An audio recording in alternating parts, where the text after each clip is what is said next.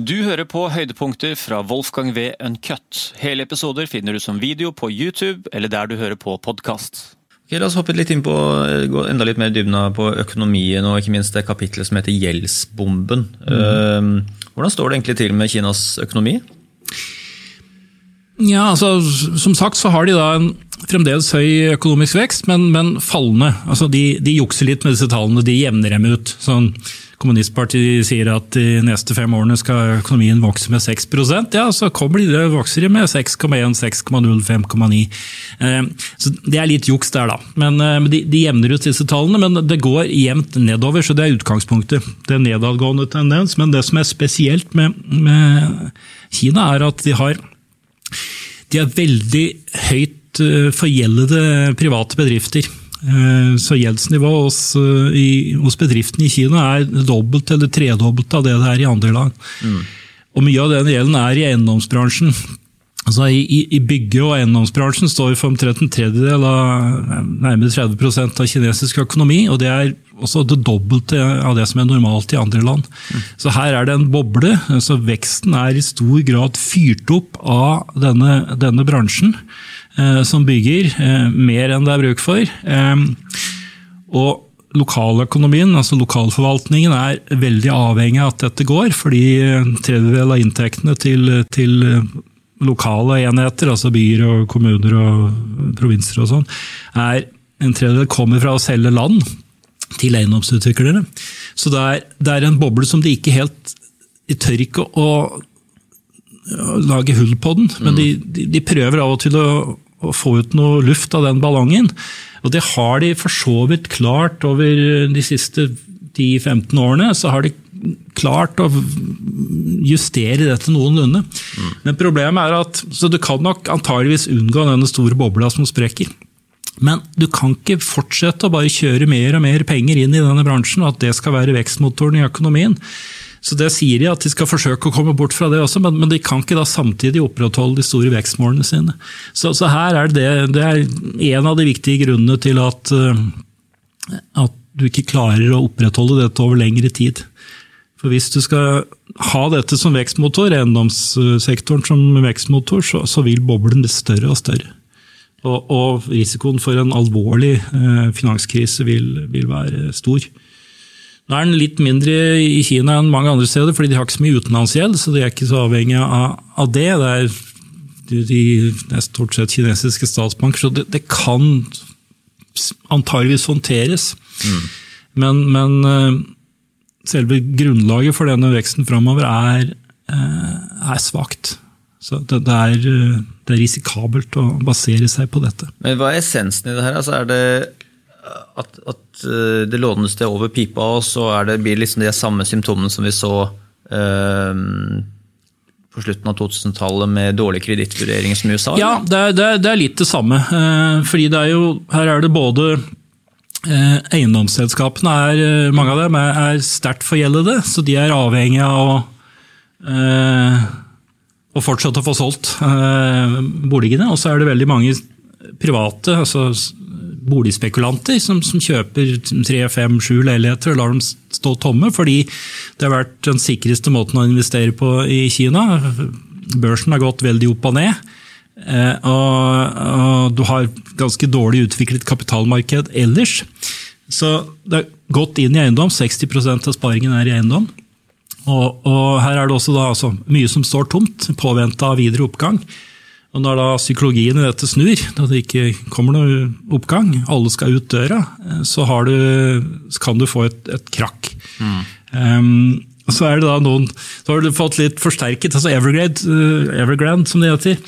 eh, De har da, fordi de er så forgjeldet selv, så har de forsøkt å redusere sin egen gjeld ved å forhåndsselge sine nye prosjekter. Så de har jo solgt 1,5 millioner boliger på, på forhånd. Og det styrker dem. Men det sitter da 1,5 million, eh, altså, eller kanskje tre-fire hver, da, men det sitter ganske mange hundre tusen kinesere som har betalt for en Evergrande-bolig, som kanskje aldri blir ferdig.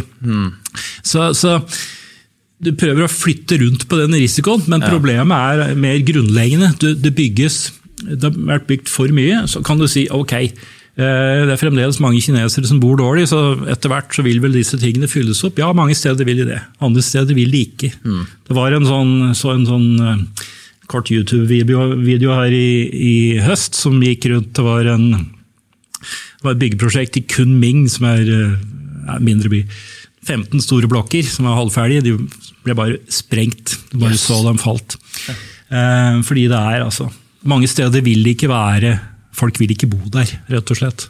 For dette er disse TV-bildene vi ser liksom hvor eh, det er sånn halvferdige boligblokker. Det ser ut som en sånn metropol, bare at det er sånn aband, altså forlatt. Det har vært stått Ja. tomt i 20 år. Det ser ut som mennesker har bodd der, flytta ut. og det her er sånn... Ja, altså mange av disse eh, byene er jo, de bygges jo eh, de bygges av en sånn kombinasjon da, av eiendomsutviklere og lokale partibosser som selger landet, som de har stjålet fra bøndene. Eh, og, så, og så bygger de dette, og så altså, if you build it, they will come. Eh, og så gjør de det noen ganger, og så gjør de det ikke andre ganger, og så står det tomt. Eh, og, så, og så blir det spøkelsesbyer. Så er, men dette har vært en problemstilling i, over lang tid, disse spøkelsesbyene, om det vil fylles opp. Og, og en del av dem Det er litt begge deler. Eh, det kan håndteres, selv om det skaper problemer lokalt. Eh, kan håndteres, men, men mange steder fører jo dette til feilinvesteringer. Eh, de kommer aldri til å bli brukt. Og Det er også en sånn ting med, med Kina. Mange er veldig imponert over infrastruktur og eh, hvor fint det har blitt i Shanghai og sånn. Altså, ja, det er riktig, det er mye som er imponerende. men så er det også mange feilinvesteringer, eh, også på infrastruktur. Veldig mange byer som skal bli den nye sånn store huben for eh, flytrafikk, så de bygger en stor flyplass. Og det, Når 20 byer gjør det samtidig, så er det ikke 20 byer som blir den store huben. Det er én eller to. Og så blir den andre sånn eh, Leirin flyplass i Valdres, som eh, nå blir nedlagt, altså som aldri blir noe av. Så det, det, det er sånn De bygger ekstremt mye infrastruktur i tilfelle kanskje vi får bruk for det i fremtiden? Eller er det mer som bare mye symbol eh, i det her òg? Ja, det er symbol, men det er også drevet av, av, av lokalpolitikk, altså lokale partibosser. Altså, Kina er et, er et veldig sentral, sentralisert land, så for å bli eh, komme til toppen i Kina, i kinesisk politikk, så må du først bli topp eh, mer lokalt, og så kan du rykke opp mm. og bli hentet til Beijing eh, og komme i, politbyrå og sånne ting. Men da må du levere noe. Og da må du levere høy økonomisk vekst, og da satser du da på sånn eh, utvikling som er ikke nødvendigvis er, er bærekraftig eller godt økonomisk fundert, men det kjøres ressurser inn. Og så blir det da av og til lykkes du, av og til lykkes du ikke. Jeg Husker ikke ved starten av covid-19 i 2020? Det var, så, eh, de, det var egentlig sånn liksom maktdemonstrasjon på eh, hvordan de bygde opp sykehuskapasiteten sin bare på et par Ja. dager. Ja, Det var helt ekstremt å se på. Det er sånn, Bill Maher gjorde poenget av det at de, USA brukte de to år på å bli enige om noe. og I Kina så bygger de tre nye sykehus på tre dager. Ja, altså dette er jo litt sånn demonstrasjon, så kan man lure litt på hva som er kvaliteten i det når det bygges så fort. Men, Ja, men de har jo også da denne, denne fordelen at de behøver ikke å ta hensyn til folk. Det er ikke så mye HMS der. Det er, nei, det er, ikke det er dårlig med det, og så er det jo det er dårlig med eh, sånn, altså, Hvis du skal bygge en vei eller jernbane i Norge, så er det jo en del grunneiere og en del, altså det er miljøhensyn, og det, er, det tar jo veldig lang tid å bare utrede. Mens i Kina så, så kan du kjøre på, eh, bokstavelig talt. Ja. Eh, Så hender det av og til at du da får eh, lokale protester, og det hender også en sjelden gang at de faktisk vinner fram. Eh, så- For det er en viss sånn rom, da, så lenge de ikke truer kommunistpartiet til å, til å protestere. Men, men det er en del sånne fordeler de har. Men det er jo også fordeler som gjør at ok, det er greit, du skal bygge et uh, sykehus, du trenger åpenbart dette nå, men, men det er ikke sikkert du trenger denne, altså, disse lyntogene eh, alle steder. Uh, der viser jeg til en del altså, evalueringer av, av infrastrukturutbyggingen. og klart, en, en del av lyntogene er ikke bare fungerer godt teknisk, men de også gir økonomisk mening. Mens andre gjør det ikke. Nå bygges det lyntog til Lhasa i Tibet. Det er ikke av kommersielle grunner, det er av politiske grunner. Det bygges lyntog til, til, til Laos. Er ingen som har råd til å bruke det, men det, er altså, det bygges av andre grunner enn økonomiske også. Kanskje de kan frakte eh, personell og våpen i krig veldig fort fra AtB? da? Noen steder så kan det være sånne hensyn, men, men, det, er, eh, men det er altså det drives av imperiebygging. Altså det er, mm. Bør ikke å vurdere økonomien i det, det er viktig å vise fram. Eh, I, i, i Kenya, det er jo dette er Belt and Road, som det heter, dette store investeringsprogrammet som først og fremst er i Sørøst-Asia, men også i Afrika og Europa og Latin-Amerika. Mm. I Kenya så bygger de da en, en ny jernbane eh, fra, eh, inn i landet som, som, ikke er bruk for. Eh, og som da kineserne antageligvis kommer til å overta, sånn som de har gjort med en del andre prosjekter. Men grunnen til at den bygges, er at det sitter noen byråkrater i eh, Jernbaneverket i Kenya som gjerne vil ha jernbane, sånn at de kan få bestikkelser. Og så sitter det en eh, president som gjerne vil ha en ny, fin jernbane, som er mye finere enn den han hadde før. Eh, og så håper de at kineserne skal betale for det. Ja, Det gjør de av og til, av og til ikke. Eh, så noen av disse prosjektene blir da, blir da en sånn et anker eh, også for kinesisk innflytelse. Og det mest typiske her er, er marine altså havnen i Hambantota, som det heter på Sri Lanka. Mm. Som, som er da en sånn kinesisk investering, og de bygde en diger havn som nesten ingen bruker. Og Så går de konkurs, og så tar kineserne over. og har den, Skal ha den i 99 år. Hmm. Og det ener seg veldig godt for en marinebase. Ikke sant? Var det planen hele tiden? Antageligvis ikke. Kan det bli realiteten? Ja, kanskje. Mm. Og, og, flere sånne utposter kan komme etter hvert?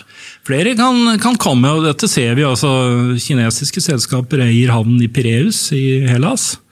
Um, mm. Og det betyr at uh, Hellas har vært, i hvert fall i perioder under den tiden de hadde et venstreorientert styre, så var de veldig forsiktige med å kritisere Kina. Uh, Kina har en uh, nærmest et datterselskap i Kambodsja. Det er det landet som kanskje er klarest under kinesisk innflytelse.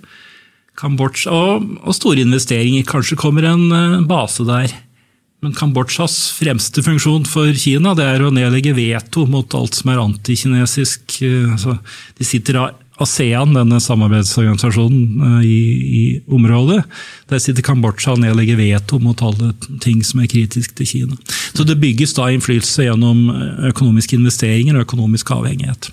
Tilbake til eh, denne gjeldsbomben og kapittelet her. Altså, du skriver et sted her at hvis vi Eh, vi snakker jo mye om USAs gjeldsnivå, som er så enormt, og pengetrykking som foregår der. og Det er jo det egen podcast i seg selv. Men eh, mm.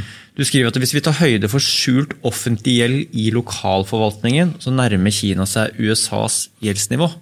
Eh, ja, når vi snakker om, om offentlig gjeld. Ja. Fordi den statlige gjelden i Kina er vesentlig lavere enn USAs statlige gjeld. Så når jeg snakker om sånn gjeldsnivå sånn generelt, så er det liksom all gjeld. Så det er privat, privatvillig gjeld, det er altså bedriftene, det er offentlig. Mm. Men den offentlige gjelden er, det er litt vanskelig å få tak i akkurat hvor høy den er, fordi det er mye som er skjult. altså Det er en sånn skyggebanksektor som er kobla opp til lokale myndigheter. Men Hva er det for noe? Ja, altså det, er, det, er, det er banker som altså Det er eh, kreditt som, som, eh, som, som, ikke dukker opp i, i, statistikken, for å si det enkelt. Mm. Det var litt sånn i USA også, at du, du hadde liksom du hadde ikke helt kontroll på, på, hvor mye denne gjeldsbelastningen egentlig var. fordi du drev jo og pakket denne gjelden inn på nytt og solgte dem i sånne obskure finansielle instrumenter og sånn. Mm. Eh, så dette er litt tilsvarende i, i Kina. At det, det, pakkes om og, og, og skjules, og, og, det er ikke liksom det er ikke åpent, sånn som det vanligvis skal være, som gjør at vi, vi er litt usikre på omfanget av dette. Eh, og også hvem som egentlig i siste instans da står ansvarlig. Eh, så Det er også en mulighet er, at det kan skape problemer, men det er altså først og fremst dette som er knyttet til, til eiendomsbransjen som er, er, det skumle eh, med dette. Og Med det gjeldsnivået de har nå, så er det, så er det, det er sjelden går bra i lengden. Mm. Men det har gått bra i Kina lenge. og eh, Jeg tror jeg selv har skrevet artikler om dette for 10-15 år siden, om, om denne eiendomsboblen som må sprekke. Og den har eh, tatt noe luft inn, mer luft inn. Den har ikke sprukket ordentlig enda, så det er ikke sikkert det skjer.